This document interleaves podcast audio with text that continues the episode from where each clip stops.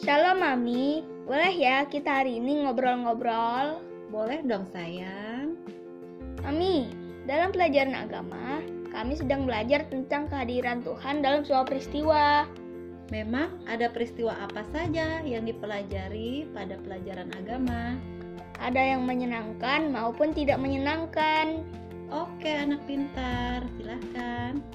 Nah, boleh dong Mami ceritakan bagaimana kehadiran Tuhan saat Vicky dilahirkan?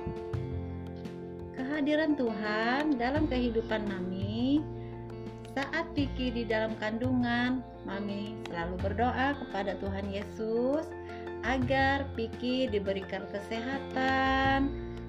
Dan setelah Vicky dilahirkan ke dunia, Mami sangat bahagia karena mendapatkan anak yang ganteng, sehat, dan sempurna.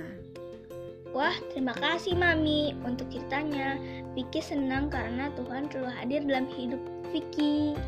Oke sayang, Tuhan Yesus memberkati Vicky. Mami juga senang sekali mempunyai anak yang pintar, anak yang patuh terhadap orang tua. Tuhan Yesus memberkati Vicky sepanjang umur Vicky.